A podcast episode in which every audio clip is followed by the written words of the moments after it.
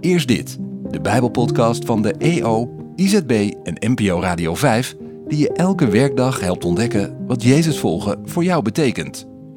Het thema van onze zomerprogrammering is dit jaar Door de wereld gaat een woord. Deze hele week met Hanneke Auerkerk vanuit het Bijbelboek Handelingen.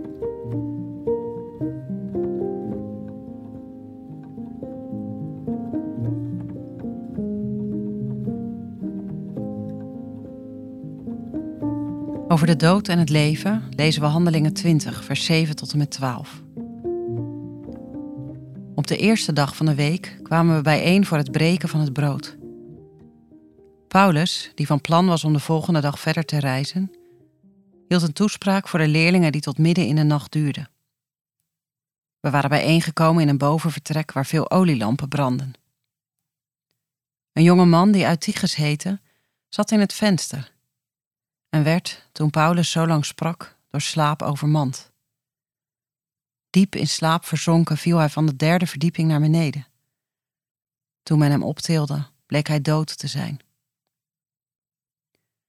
Paulus ging naar beneden, ging op hem liggen, sloeg zijn armen om hem heen en zei: Houd op met dat misbaar, want hij leeft. Hij ging weer naar boven, brak het brood en at. Daarna sprak hij nog lange tijd tot het aanbreken van de ochtend. Toen vertrok hij.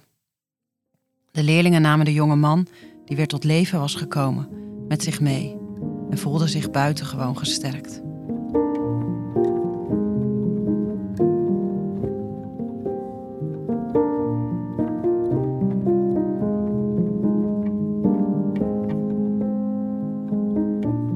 Terwijl ik nog een leven rond moest maken, werd ik getackeld door de zwaarste slaap.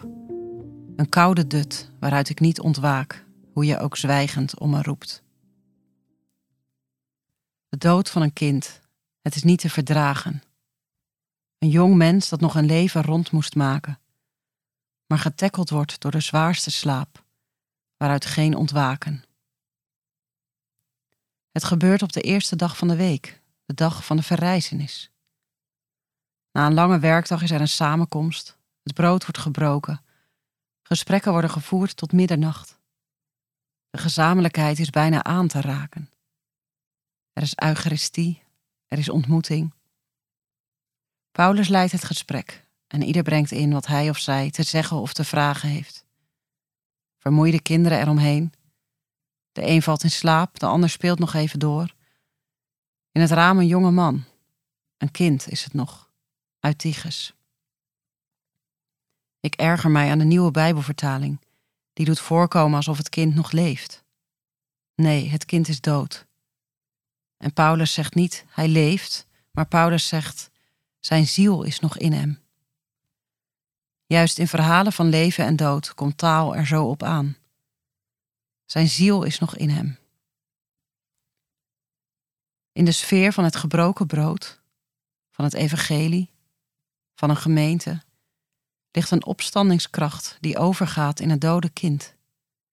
Er gebeurt verrijzenis. De dood getackeld door het leven.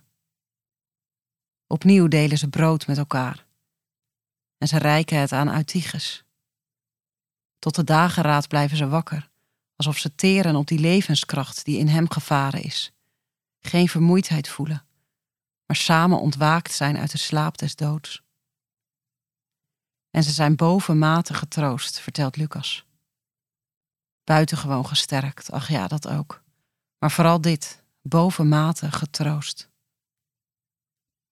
Ik denk aan al die kleine mensjes, aan al die jongens en meiden, die nog een leven rond moesten maken. Aan al die ongetroosten, die stilzwijgend roepen en vragen om leven voor hun kind. Waar vinden wij troost?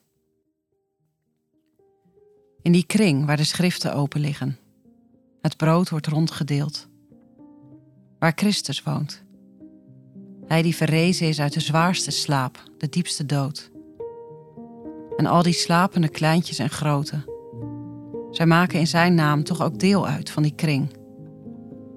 Getekkeld door de dood, maar geschreven in zijn hand.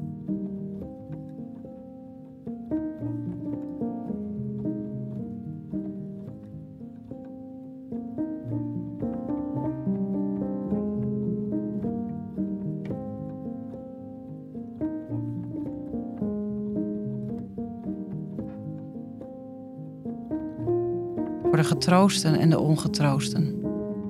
Voor wie getackeld zijn door het leven of de dood, bidden wij om troost bovenmate.